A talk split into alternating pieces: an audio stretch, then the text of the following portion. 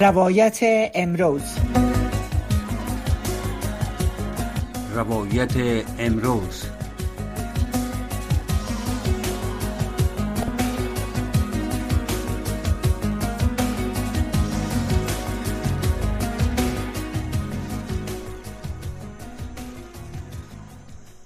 شنوندای عزیز رادیو آشنا صدای امریکا. سلام و وقتتان بخیر. امیدوارم در هر کجایی که هستین صحت و سلامت باشین و از گزند روزگار در امان باشین.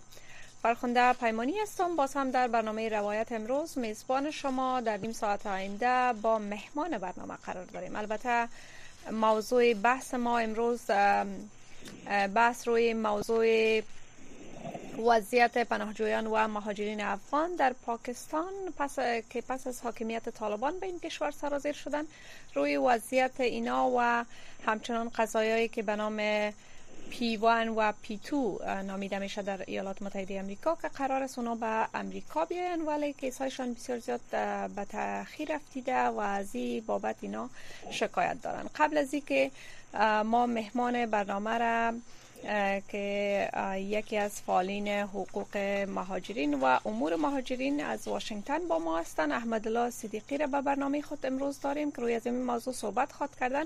اما قبل از او یک که در مورد وضعیت اینا ما صحبت می‌کنیم. و بعدا مهمان خود به برنامه خوش آمدید میگیم. صدها پناهجوی افغان روز یکشنبه البته دیروز به خاطر تاخیر دریافت ویزه ایالات متحده آمریکا در اسلام آباد پایتخت پاکستان مظاهره کردند. این شهروندان افغان به دلیل خطر و تهدید که سوی طالبان متوجه از اونا است از طریق برنامه اسکان مجدد افغان ها که معروض به خطر بودن در پاکستان به سر می‌برند و منتظر دریافت ویزه امریکا هستند. البته برنامه اولویت یک و اولویت دو که به نام پی و پی تو هم یاد میشه برای پیگیری سریع صدور ویزه های افغان ها که در معرض خطر در افغانستان بودن. اینا از جمله ژورنالیستان فعالان حقوق بشر و همچنان بعضی از مدافعان حقوق بشر حقوقدانان و از این گونه اشخاص که در معرض خطر بودن در افغانستان به این کشور سرازیر شدند درخواست دهندگان در معرض خطر بیش از یک سال و شش ماه میشه که در کشور به سر می‌برن. ولی هنوز هم به سرنوشت هستند و از ویزای پیوان و پیتو هیچ خبر نیست.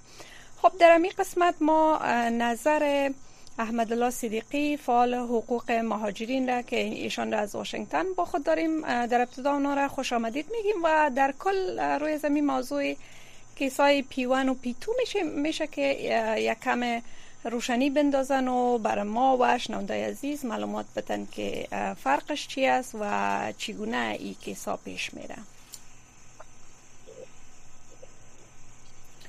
صدای ما را دارین آقای صدیقی؟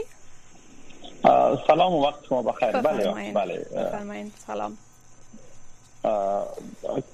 اول باید بگم که های P یک و P با یک برنامه دیگه آمد که برنامه P سه میگن.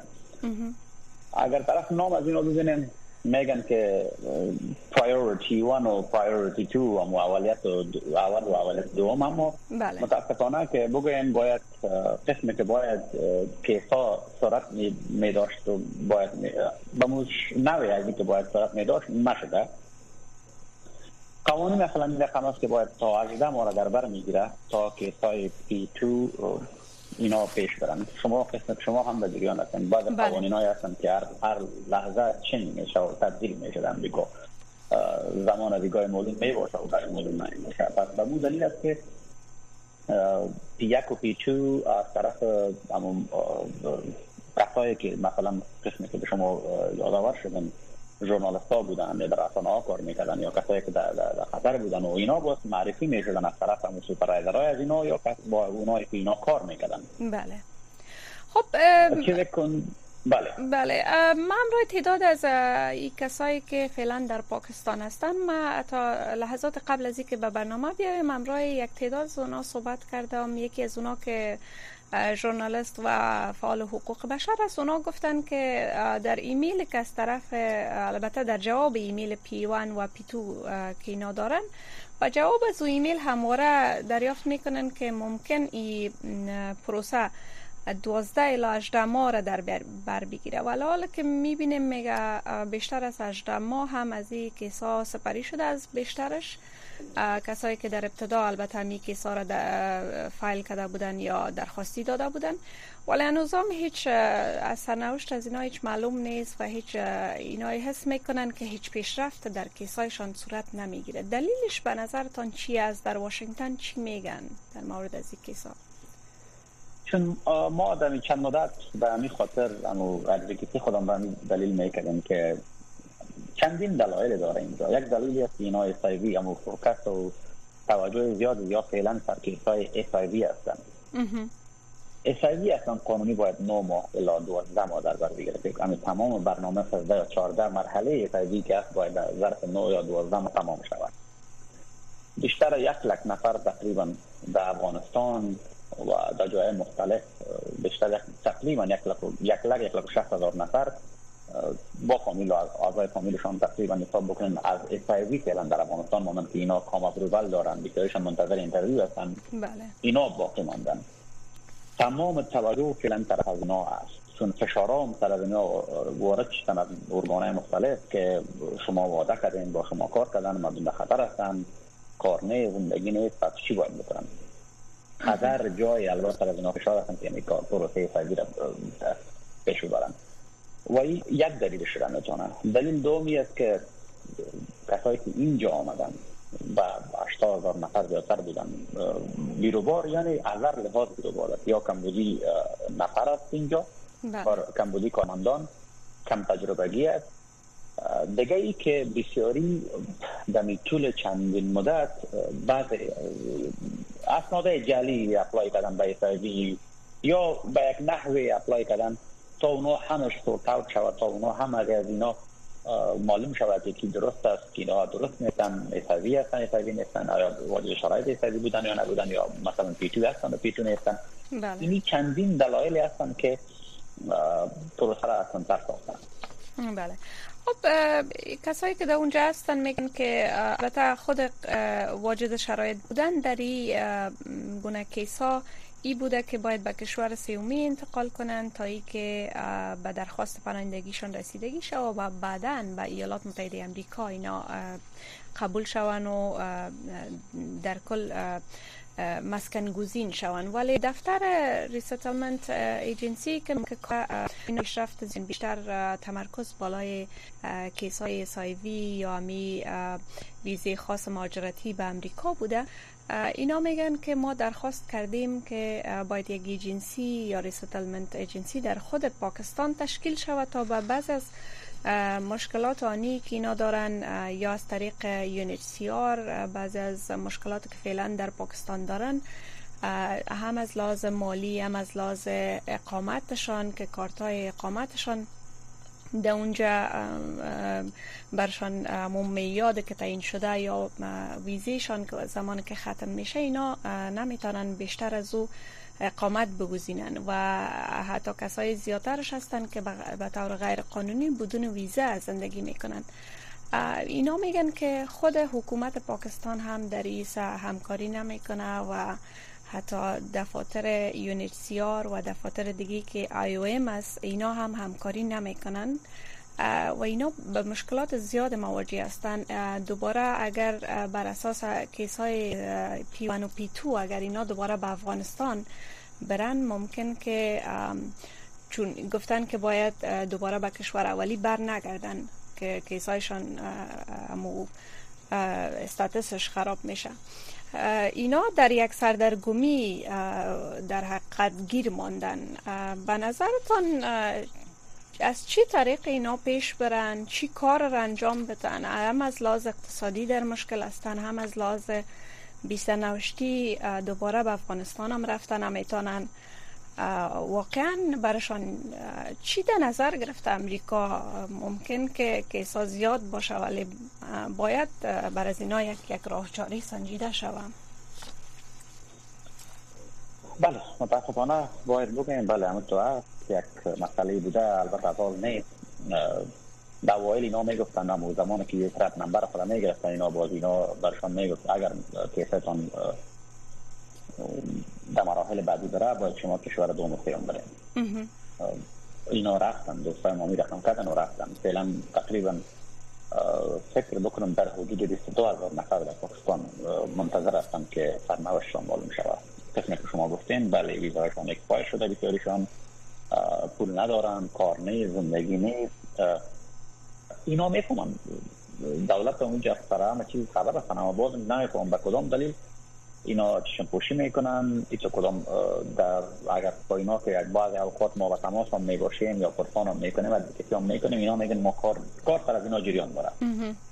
اما دقیق جواب نمیتن که کار چی مدت زمان در دیگه در برخواد گرفت. یا آیا کدام یک لایحه فعلا یک لایحه واضح که براتون بگیم نیست بگیم که اینی مدت زمان یا این مراحل در بر می‌گیره و کارتان پیش میره. فقط که زمانی که صحبت هم میشه دوستای ما دیگه دفترها و دیگه نهادها اینا میگن که کار ادامه داره و ما کار ما کار می‌کنیم. اما ای که چی زمان می‌گیره واضح جواب برای ما نمیده.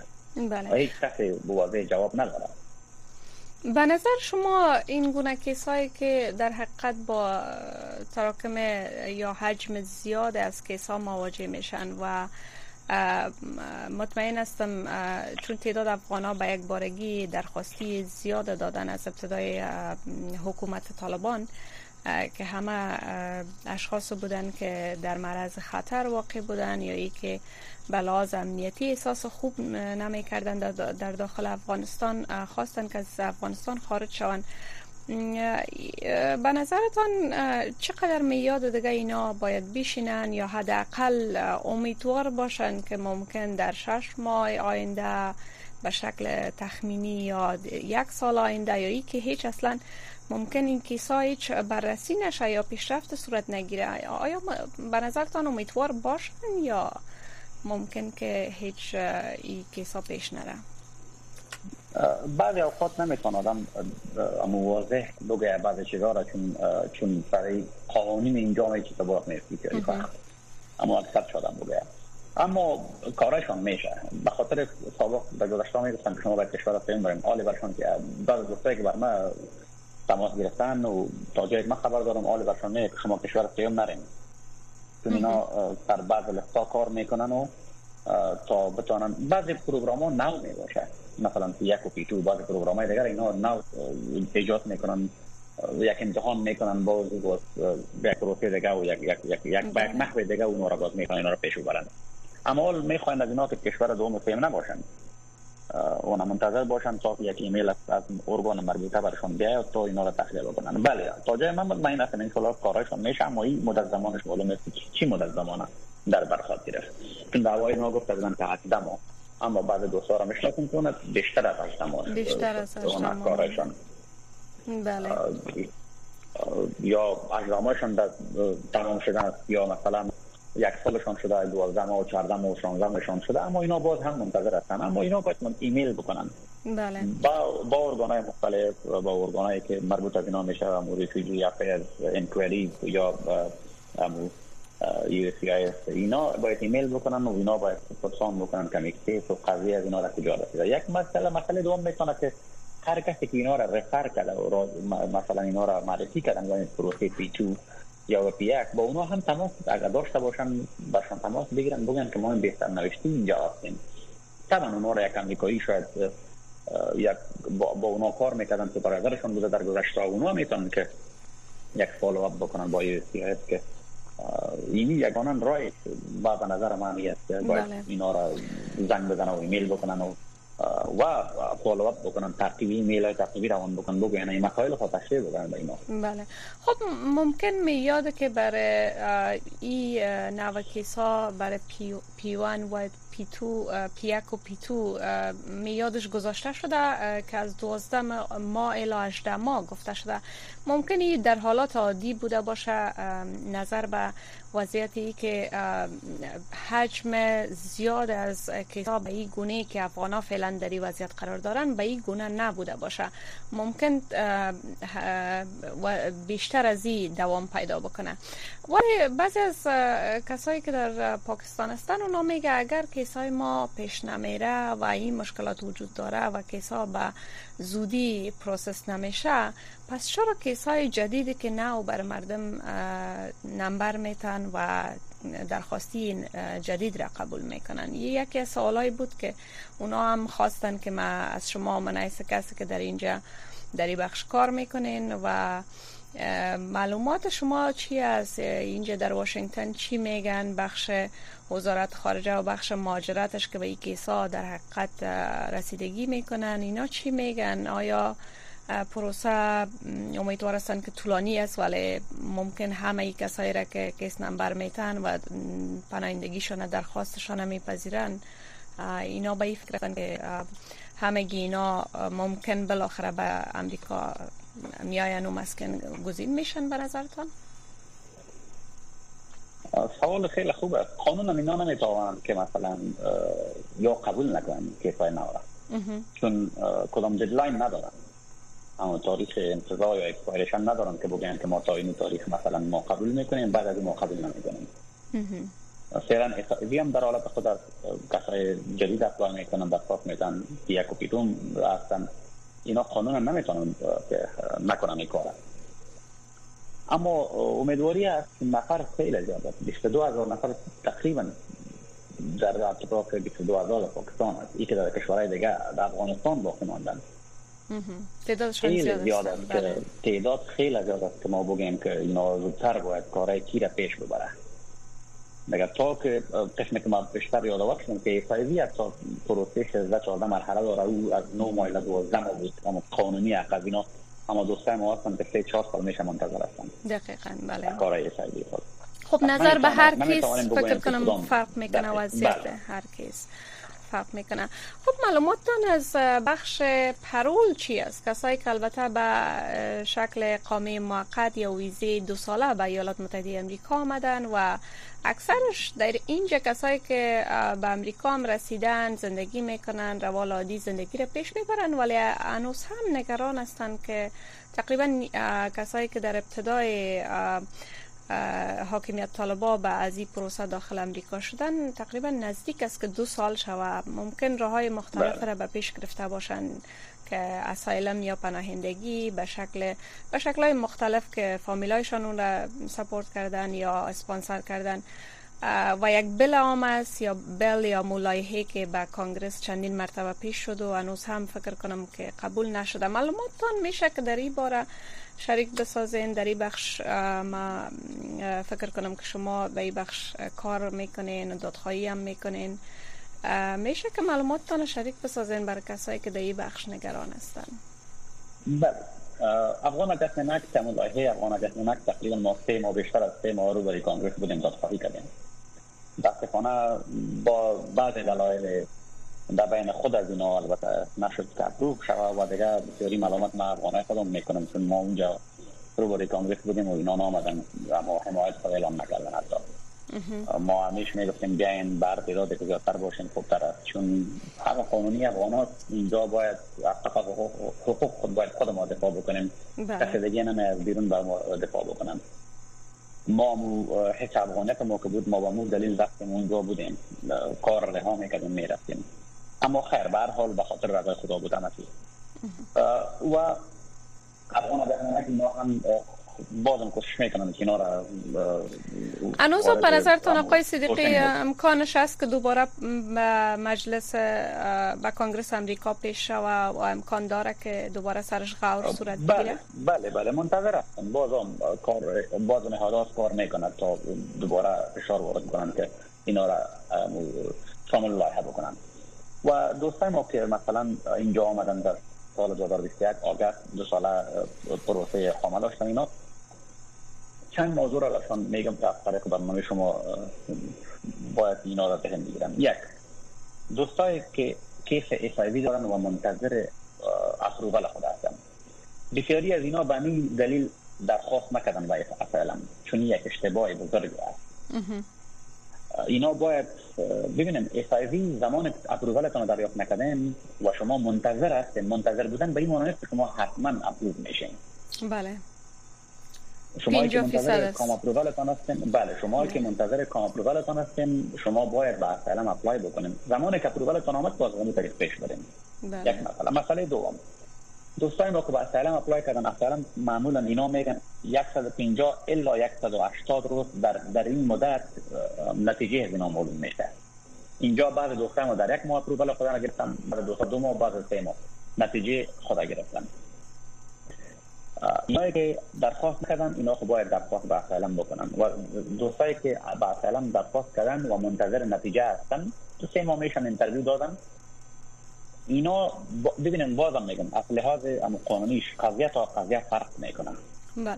اینا باید با مو وکیل برن صحبت بکنن کسی که برشان asylum apply کنن که آیا به TPS apply کنن یا خیر. TPS همون program temporary protective status بود که می‌تونستن اینا قانونی 18 ماه دیگه در امریکا بمانن اما بازم موقت است یک برنامه موقتی بله بازم موقت هستن بله اما بعض یک چیز مهم دیگه که ID card های از اینا اما work permit اجازه نامه کار از اینا بله قضیه تا قضیه فرق می‌کنه باید پیش مشکل برم که آیا اینا با چون داغه از بسیاری از اینا را ای دی کارتشان اکسپایر میشن باید تمدید شود حداقل 4 الی 6 ماه پیش باید درخواست شوند به ای دی کارت از اینا. کسایی که اپرووال گرفتن از فعلا اونو خب یادی کارشان نه. و کسایی که نگرفتن منتظر اپرووال هستن منتظر بسیاری از اینا مصاحبه دادن تقریبا کردن منتظر نتیجه هستن. و بسیاری از اینا که نو اپلای کردن اینا باید با اون صحبت بکنن با وکیلی که برشان apply کرده که آیا اینا با TPS و ID card یک جای باید apply برشان بکنن تا دچار مشکل نشن و به کارهای خود ادامه بله. خب یک سوالی که بیشتر بر کسایی که حتی در داخل ایالات متحده امریکا هستن و در کل ترس دارن از که مبادا با خطر اخراج مواجه شوند. آیا این حقیقت داره؟ آیا کسایی که در اینجا آمدن و هیچ اقدام نکردن به نظرتان یعنی درخواست پناهندگی نکردن اسایلم و مو انترویو خدا سپری نکردن در کل فقط از طریق مو پروسه پیش آمدن و آمدن زندگی خود آغاز کردن و پیش می‌برن آیا واقعا ممکن است که از این پروسه از, از ایالات متحده امریکا اخراج شوند پس از دو سال؟ یک مسئله که معنیش گفتیم در طول چندین مدته که شما اخراج نمیشین و این کار یک نفر دو نفر یک شما اخراج بکنن و شرط از اینکه خدای نخواسته کدام جرم مرتکب کدام بله. جرم میشن یا جدا است بله. بله. یا همو بگرام چه گپایتان کدام مسئله در بین بیاید و مسئله جدا. در کل دنی ظرف نو ده سال ما هیچ کسی ندیدیم که از امریکا و نور اخراج کرده باشن. کار بکنن تحقیل بکنن تکس بپردازن. اما با فعلا که اپلای نکردن به خاطر که قانونی باشن باید اپلای بکنن. چون یک جایی که می باشی باید هم تمام قوانین و شهر و کشور هست رو باید طرف ما عملی باید بکنیم. بله. بس اپلای که نکردن باید اصلا اینا باید درخواستی خدا استفال بکنن. همه چیزشان جای باشن کار زندگی تحصیل همین سرزمین فرصت باید از ها استفاده بکنن. بله. خب در کل در کل اگر بیایم طرق مختلف وجود داره برای که کسی که شهروند از در داخل ایالات متحده امریکا بتونه مثلا اعضای فامیل خود به اینجا به داخل ایالات متحده امریکا بخواهد که او چند نوع است؟ ممکن همسر است. از طریق همسر می‌تونن که به آسانی بله. مثلا بخواین به ایالات متحده امریکا داخل شون اولاد است که می‌تونه مثلا پدر مادر اولاد خود بخواه یا اولاد پدر مادر خود بخواه آیا یا که خواهر برادر است که برای خواهرای خود می‌تونن که از فامیل خود بخواه ولی ممکن خواهر و برادر میاد زیاد را در بر بگیره چون اینا میگن که تمام کسایی که در امریکا هستن اینا برای اعضای فامیل خود یا خواهر برادر خود apply می‌کنن درخواستی میتن چون لیست بسیار طولانی وجود داره ممکن سالها اینا بتانن که نوبتشان برسه در نوبت waiting list می باشن آیا بر افغانستان که فعلا در وضعیت ناگوار قرار داره و بیشتر از لحاظ سیاسی اگر فکر کنیم امریکا را مقصر وضعیت فعلی در افغانستان که بیشتر مردمش در مطر قرار گرفتن می‌دانند فکر می‌کنین بر افغانستان کدام استثناء قائل شوند که یمی میاد را کم بسازن یا حداقل پروسیش تسریع ببخشن به نظرتان یک چیز وجود داره یا ای که به مروال عادی که سالهای سال ممکن از ده سال بالاتر بگیره را پیش ببرن بله فکر نکنم که کدام پروسه خواهد باشه. چون درست است یک کسی که شهروند است شهروند امریکا اونا می‌تونن که والدین خود در پاس بکنن بیان نهایتش یک سال دو سال در بر او پروسه هم. بله. یا آروسی بکنم خانم خود با اولادای زیر سن خود یک سال زیر سن باشه و مجرد باشه اونا را دعوت بکنن. سریعتر دو سال نهایت دو سال در بر گرفت. اما سبلنگ یا خواهر و برادر الا 15 سال در بر می‌گیره. آه سریعتر میشه. می‌تونن که شما ایمیل یا امون پروسه را سریعتر بتونن. اما باز هم زمان دقیقش معلوم نیست. هیچ کسی گفتن نمی‌تونه چند سال. اما الا 15 سال در بر می‌گیره. به خاطر خواهر و برادر. بله. خوب است تمام سوالات که در این بخش داشتیم البته از شما پرسان کردیم و چی گفتنی دارین در کل برای کسایی که فعلا باز هم به موضوع پی 1 و پی 2 میاییم که اونا بیشتر کسایی هستند که در مرز خطر هم هستن و تعداد زیادش البته درخواست کرده بودن امروز ما امرای نمایندیشان صحبت کردم. اونا گفتن که باید از مهمان برنامه تان چون در اینجا هستن. معلومات را این معلومات بخواین که حداقل ما منتظر باشیم امیدوار باشیم و اگر یک estimate time یا یک time تخمینی بر ما اگر بگوین که چقدر یا کدام اقدامات نو در اینجا واشنگتن در نظر داره که برای نو پیش بگیره. بله ما اونها درک می‌کنم به خاطر که ما چند مدت میشه با دوستای ما در اونجا هستم به تماس هستم. و همیشه برشان همین میگم که کوشش نهایی ما اینانی خواهد باشه که حداقل چیزی که به توان ما می استفاده دانه برسانیم. تا جایی که ما می‌تونیم. دیگه با بعضی کارهای قانونی است که او را میده دست ماست و نیده دست کس دیگه است. او اما قانوندانایی که هستن و قانون کسای قانون میخوادن در دست از اونو هستن. اما ما باید یک افغان خود خواهر و برادرای ما اونجا هستن. و شما صدایشان اقل صدایشان شدن با یک صدا هم نمیشه باید صدای خود دوستای ما که در چهار اطراف هستن و وقت توانش دارن باید صدای خود بلند بکنن با مقامات صحبت بکنن در این مورد. این مسئله هستن و مسئله دیگه که اینا باید منتظر باشن ایمیل بفرستن با سپروایزر خود تماس بگیرن. و میفهم که غربت زیاد است قیمتی زیاد است اونجا. کوشش بکنن که یک یک یک کار بتونن ویزه بیشتریشان اکسپایر هستن باید با سپراداره خود تماس بگیره با جایی که می‌تونن البته مظاهره و پوچی به جور که باید کنیم و برای با خود ما مشکل از طریق سلامی شوه صحبت شوه تلفنی صحبت ها شوه با سفارت آمریکا در اوجه اما ایمیل آدرس اینا از طریق خود پی تو پی یک دارن با اونا ایمیل باید روان شوند و اما موضوع را روشنتر و واضحتر نوشته بکنن و در جیبان با اونا بگذارن تشکر. یک جان ممنون. آقای احمد الله صدیقی فعال فعال امور مهاجرین که در واشنگتن با ما بودن. یک جان سپاس از حضورتان به برنامه. Basta,